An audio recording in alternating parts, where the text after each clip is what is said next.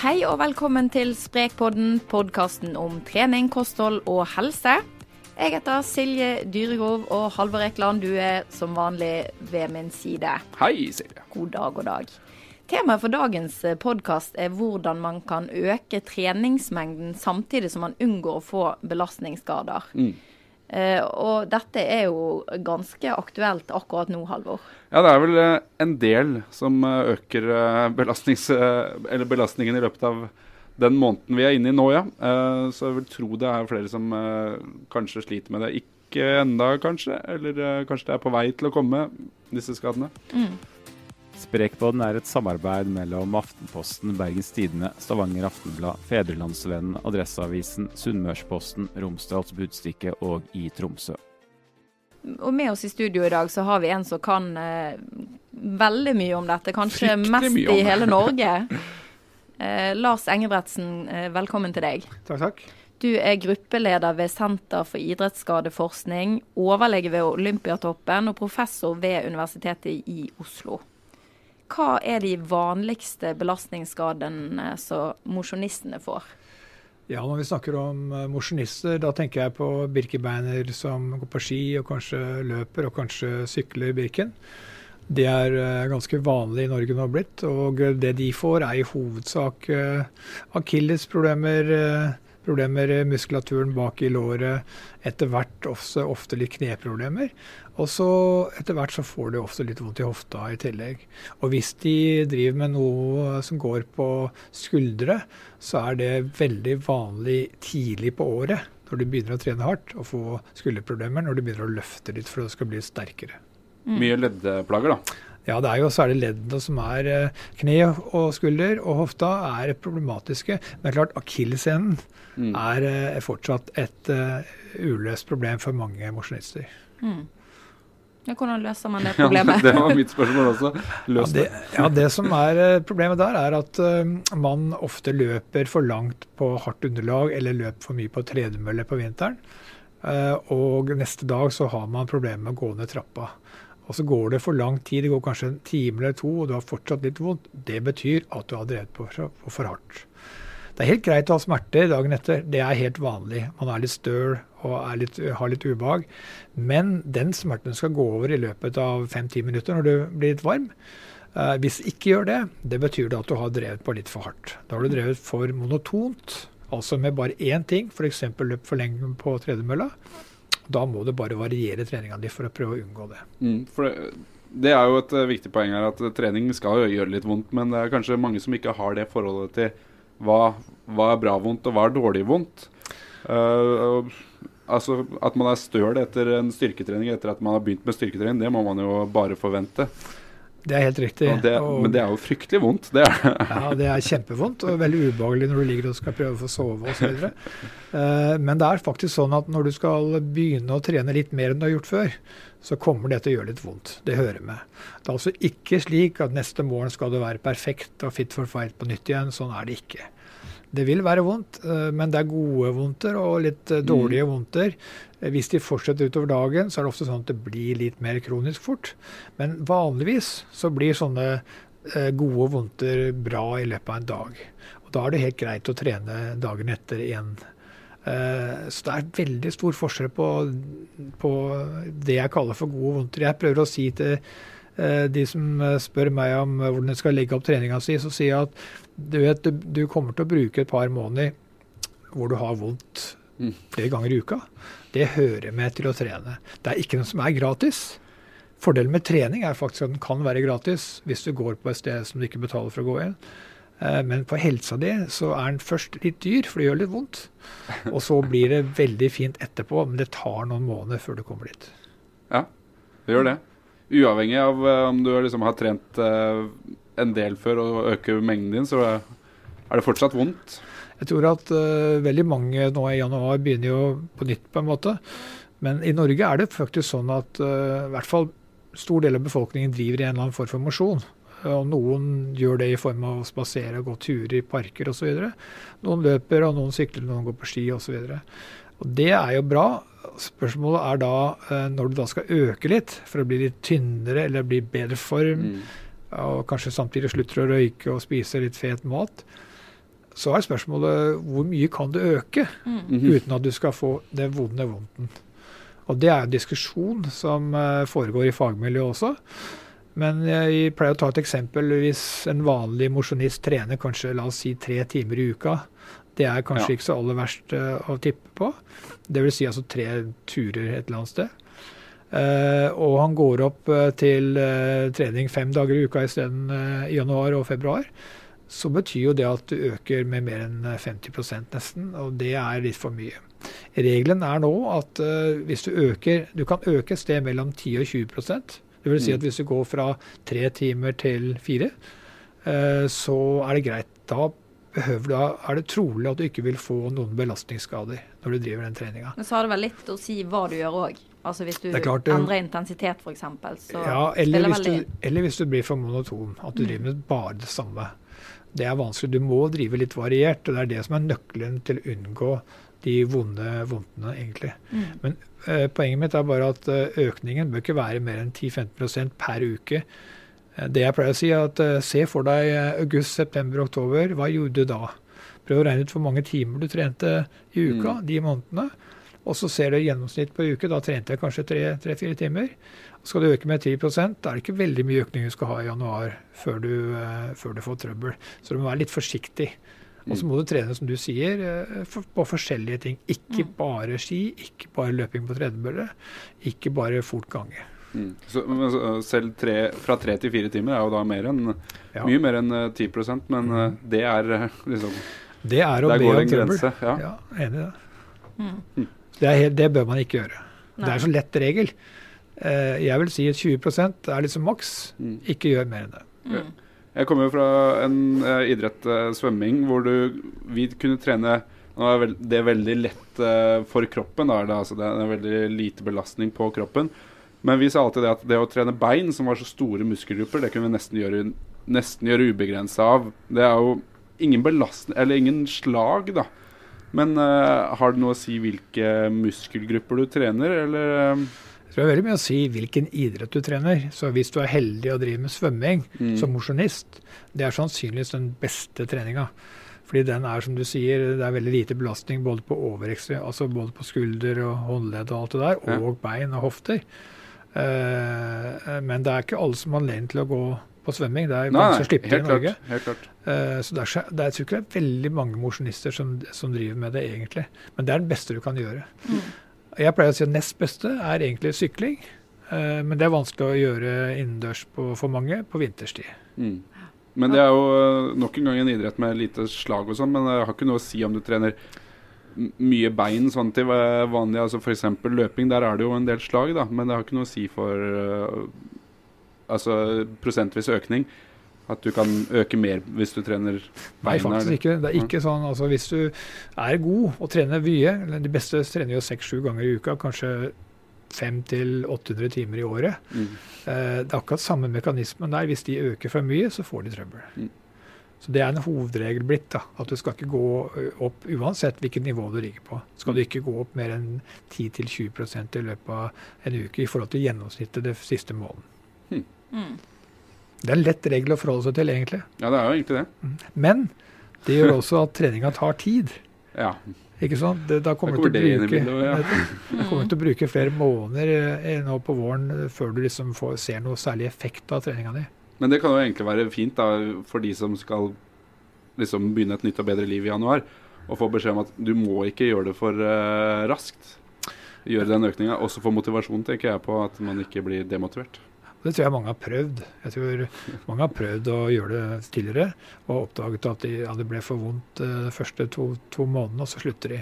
Ja. Uh, det er mye bedre å Jeg sier å drive, ikke ta i for mye, drive veldig variert. Ikke bare samme idretten, men forskjellige ting. Ikke bare utholdenhet, også styrke. Mm. Jo eldre det blir, jo viktigere, selv om du er mann, i forhold til kvinne, viktigere og, viktig å gjøre styrke. Fordi at kvinner får jo osteoporose eller benskjørhet når de blir gamle. Menn får også litt det, og eh, de også har godt av å trene styrke når de blir litt eldre. Mm. Leste det at uh, ny forskning viser at det er flere faktorer som påvirker hvor mye belastning man tåler f.eks. da styrke og nevromuskulær kontroll og BMI. Kan du mm. si litt mer om det? Ja, altså øh, jo høyere da BMI, øh, eller jo lavere du har, rett og slett, sagt, da er det lettere å få skader. Mm. Eh, eh, du kan si at en mosjonist trener nesten aldri nok styrke til at eh, vedkommende får skader på det nivået der. Men en mosjonist trener nok utholdenhet til at det får skader. Derfor så får de typisk akilleskader, fotskader, eh, mer enn skulder og, og nakke- og ryggskader, egentlig.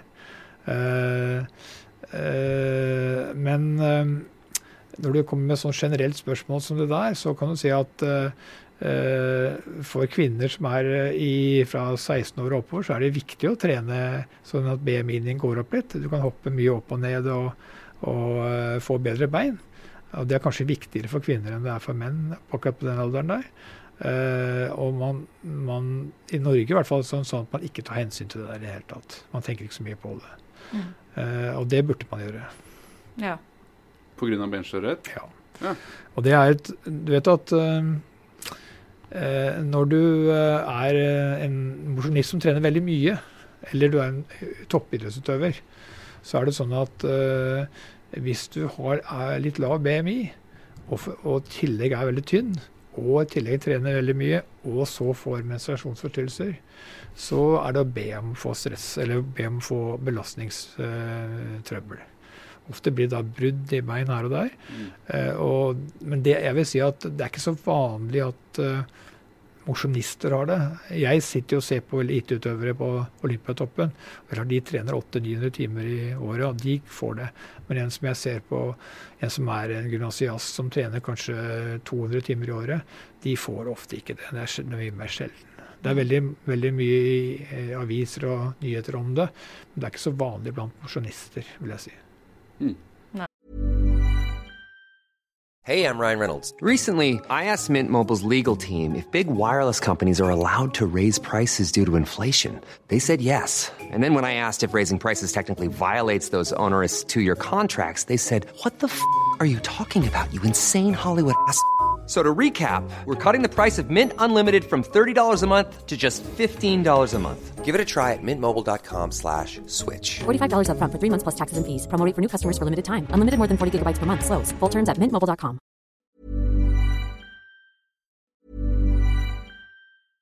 Ryan Reynolds here from Mint Mobile. With the price of just about everything going up during inflation, we thought we'd bring our prices down. So to help us, we brought in a reverse auctioneer, which is apparently a thing. Mint Mobile unlimited premium wireless. Ready to get 30, 30, bit to get 30, bit to get 20, 20, 20, bit to get 20, 20, bit to get 15, 15, 15, 15 just 15 bucks a month. So, Give it a try at mintmobile.com slash switch. $45 upfront for three months plus taxes and fees. Promo rate for new customers for limited time. Unlimited more than 40 gigabytes per month. Slows. Full terms at mintmobile.com. Men når man da har fått en belastningsskade, hva gjør man da? Er det, da skal man bare holde seg i ro, oh, da? da kommer det der kjedelige svaret som vi Men det, det vil jo garantert være mange som lytter som har en skade, sant? som vil bli kvitt det, og vil bli kvitt det på lang sikt òg. Ikke få det igjen. Hva, hva er rådene der? Ja, altså det er det du sier, at uh, du får ofte råd når du går innom legen for du har fått, fått et, uh, en belastningsskade et eller annet sted, så er rådet, rådet ofte å ta det med ro, gå tilbake til sofaen, se på skirenn uh, vinteren gjennom på TV lørdag og søndag. Uh, og det er jo uh, dumt. Mm. Uh, rådet er jo egentlig å, da å bruke den akkurat samme tiden, men på noe annet eh, som gir eh, pulsøkning. Eh, Du kan, eh, hvis, du har vært, hvis du har fått et problem fordi du har løpt for mye eller eh, gått for mye på ski, eller et eller annet sånt, så kan du jo gjøre noe helt annet. Du kan gå i basseng, som du nevner, som kanskje er det aller, aller beste, men det kan være vanskelig for mange. Eh, Og da kan det være greit å sette seg på sykkelen isteden, for eh, å stå på tredemølle og løpe bortover. Eh, Det, er gjelder ikke å, å gi seg, sette seg foran TV og se på den. Det gjelder å finne alternative treningsformer. Og nå har det blitt masse fine apper. Det jeg skulle til å nevne før du sier noe. Det er at eh, det er kommet masse fine apper som kommer med forslag om treningsformer. De appene er ofte gratis. Er lett, og, det er videoer som forklarer ganske nøye hva du kan gjøre osv. Men er det sånn du kan liksom si «Ja, jeg har vondt i kneet, og så Kommer det med forslag til andre treningsformer? Ja. Fins det, liksom? Vi har laget en app for eksempel, som heter Skadefri, som er gratis, og som inneholder alle leddene i kroppen, og pluss rygg og sånn. Og så er det level, eller eh, nivå 1, 2 og 3. Og så er det videoer med forslag til hvordan du skal gjennomføre det. Og veldig enkelt og greit. Og ja. du trenger ikke være helseutdannet for å forstå det som står der. Men det at du trener andre ting, eh, svømming som du sier eksempelvis, eh, kan det være med å få det raskere tilbake? Det at du på en måte får opp eh, blodsirkulasjonen, er det med å hele skader, belastningsskader, eller har ikke det noe å si sånn sett? Det er mer at du bare holder deg i form, hvis du skjønner? Nei, jeg tror at det har med at det tilhører fortere. Mm.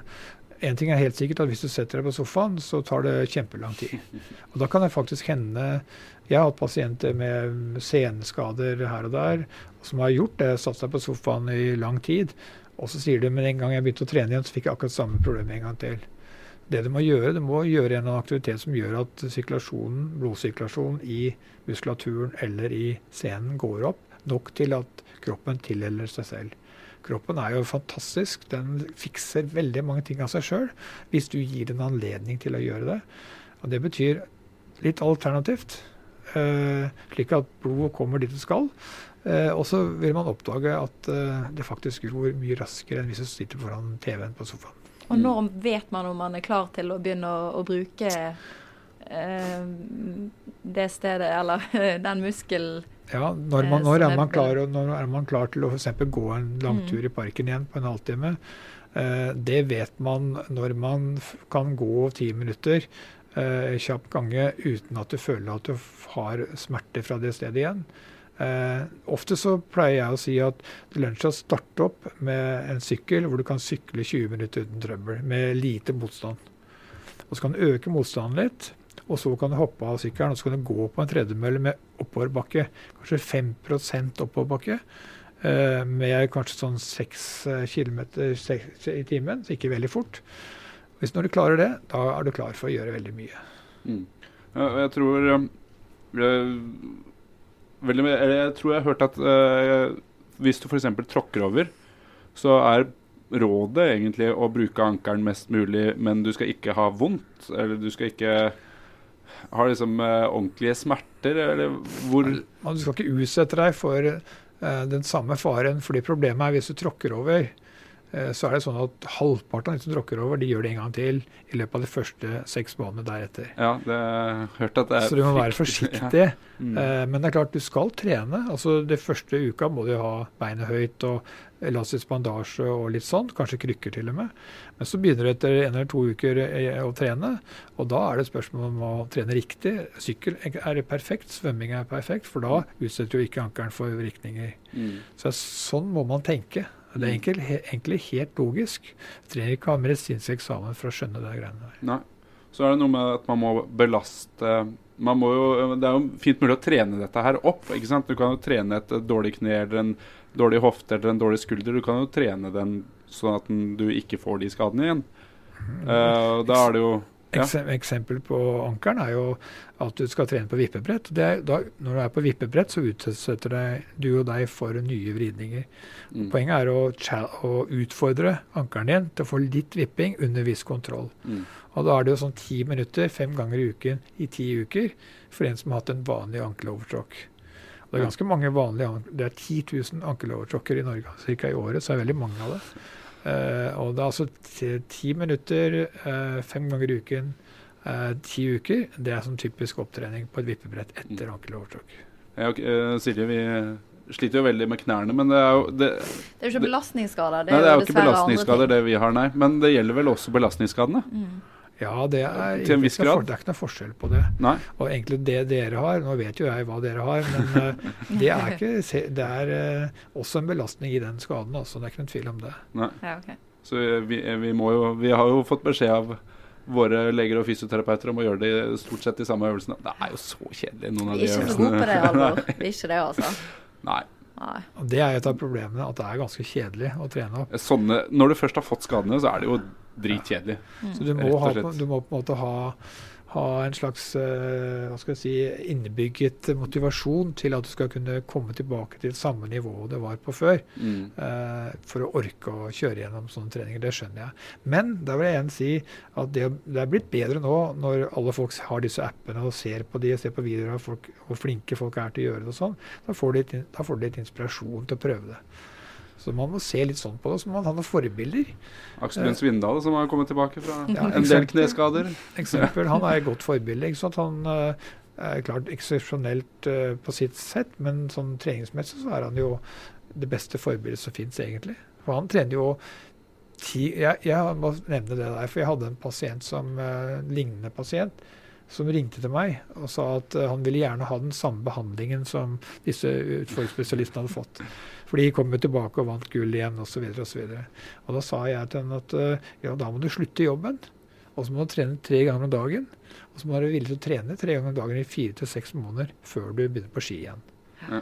Og det er ikke vanlige folk villige til å gjøre. Nei. Det er veldig krevende å unngå belastningsskader fordi at folk ikke er villige til å satse nok på treninga. Du snakket litt i sted om eh, svømming og sykling bl.a. som skånsomme mm, idretter for kroppen. Eh, er da løping kanskje noe av det mest krevende for kroppen, eller?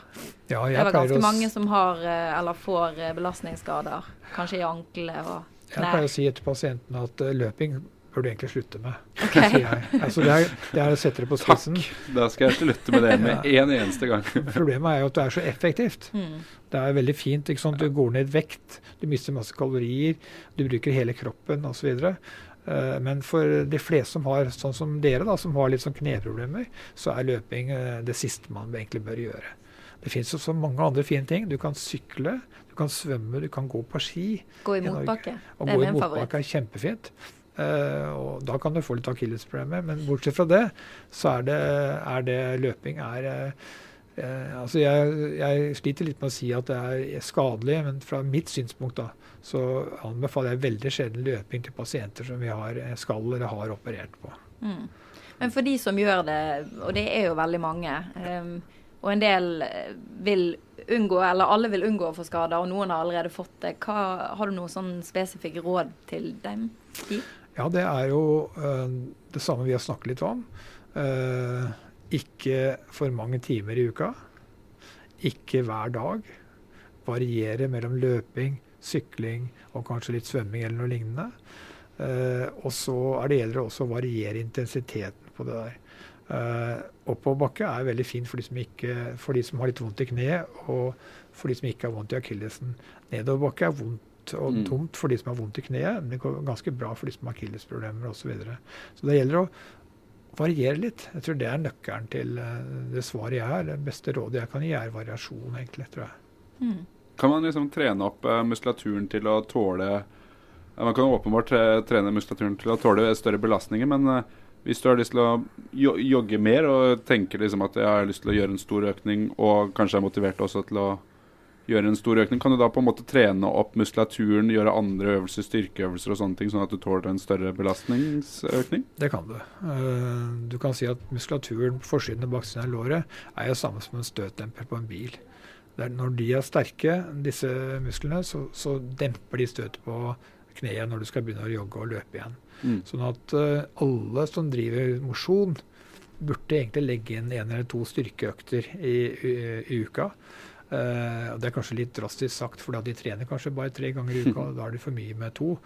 Uh, da kan det være nok med én. Men det å legge inn en eller to styrkeøkter uh, på muskulaturen i, på bein, lår og legger, det er ganske viktig. Og det er noe som er rart, fordi at alle treningssentrene og alt sånt, de reklamerer jo med løping og sykling og spinning og alt sånt. Det er ikke så veldig mange som reklamerer med styrke av både skuldre og albuer og underarmer og lår og legger osv. Det er ikke så mye av det. Mm. Jeg tror det går litt på at man ser da for seg sånn at man blir sånn svær, muskuløs og sånt. Og det blir man ikke. Eh, På vanlig, vanlig trening så blir man eh, sterkere, men ikke noe spesielt stor. Uh, og det, også, det at du trener styrke er også med på å få vekta di ned litt. grann. Du Mm. bruker masse kalorier når du driver løfter. Mm. Um, og så er det noe med det at eksempel hvis du går mye på langrenn, så bruker du jo veldig mye av muskulaturen foran.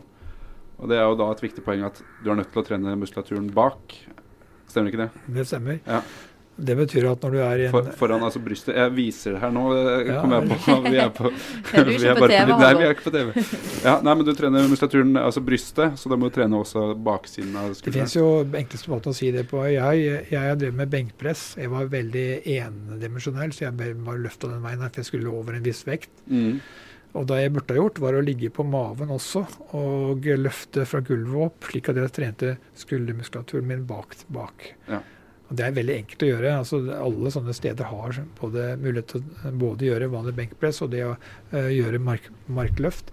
Uh, og det burde man da gjøre. Det sier seg sjøl egentlig at man ikke bare trener på én muskelgruppe. Ja, men jeg tror det er noen som uh, er litt for opptatt av å gjøre den samme tingen, altså, men Mm. det er kanskje bare mitt inntrykk. Dette kunne vi snakket om eh, lenge, men jeg tror Kunne tiden tiden vår er ute. Så ja. jeg tror vi må si takk til deg, eh, Lars eh, Engebretsen. Veldig hyggelig du tok deg tid.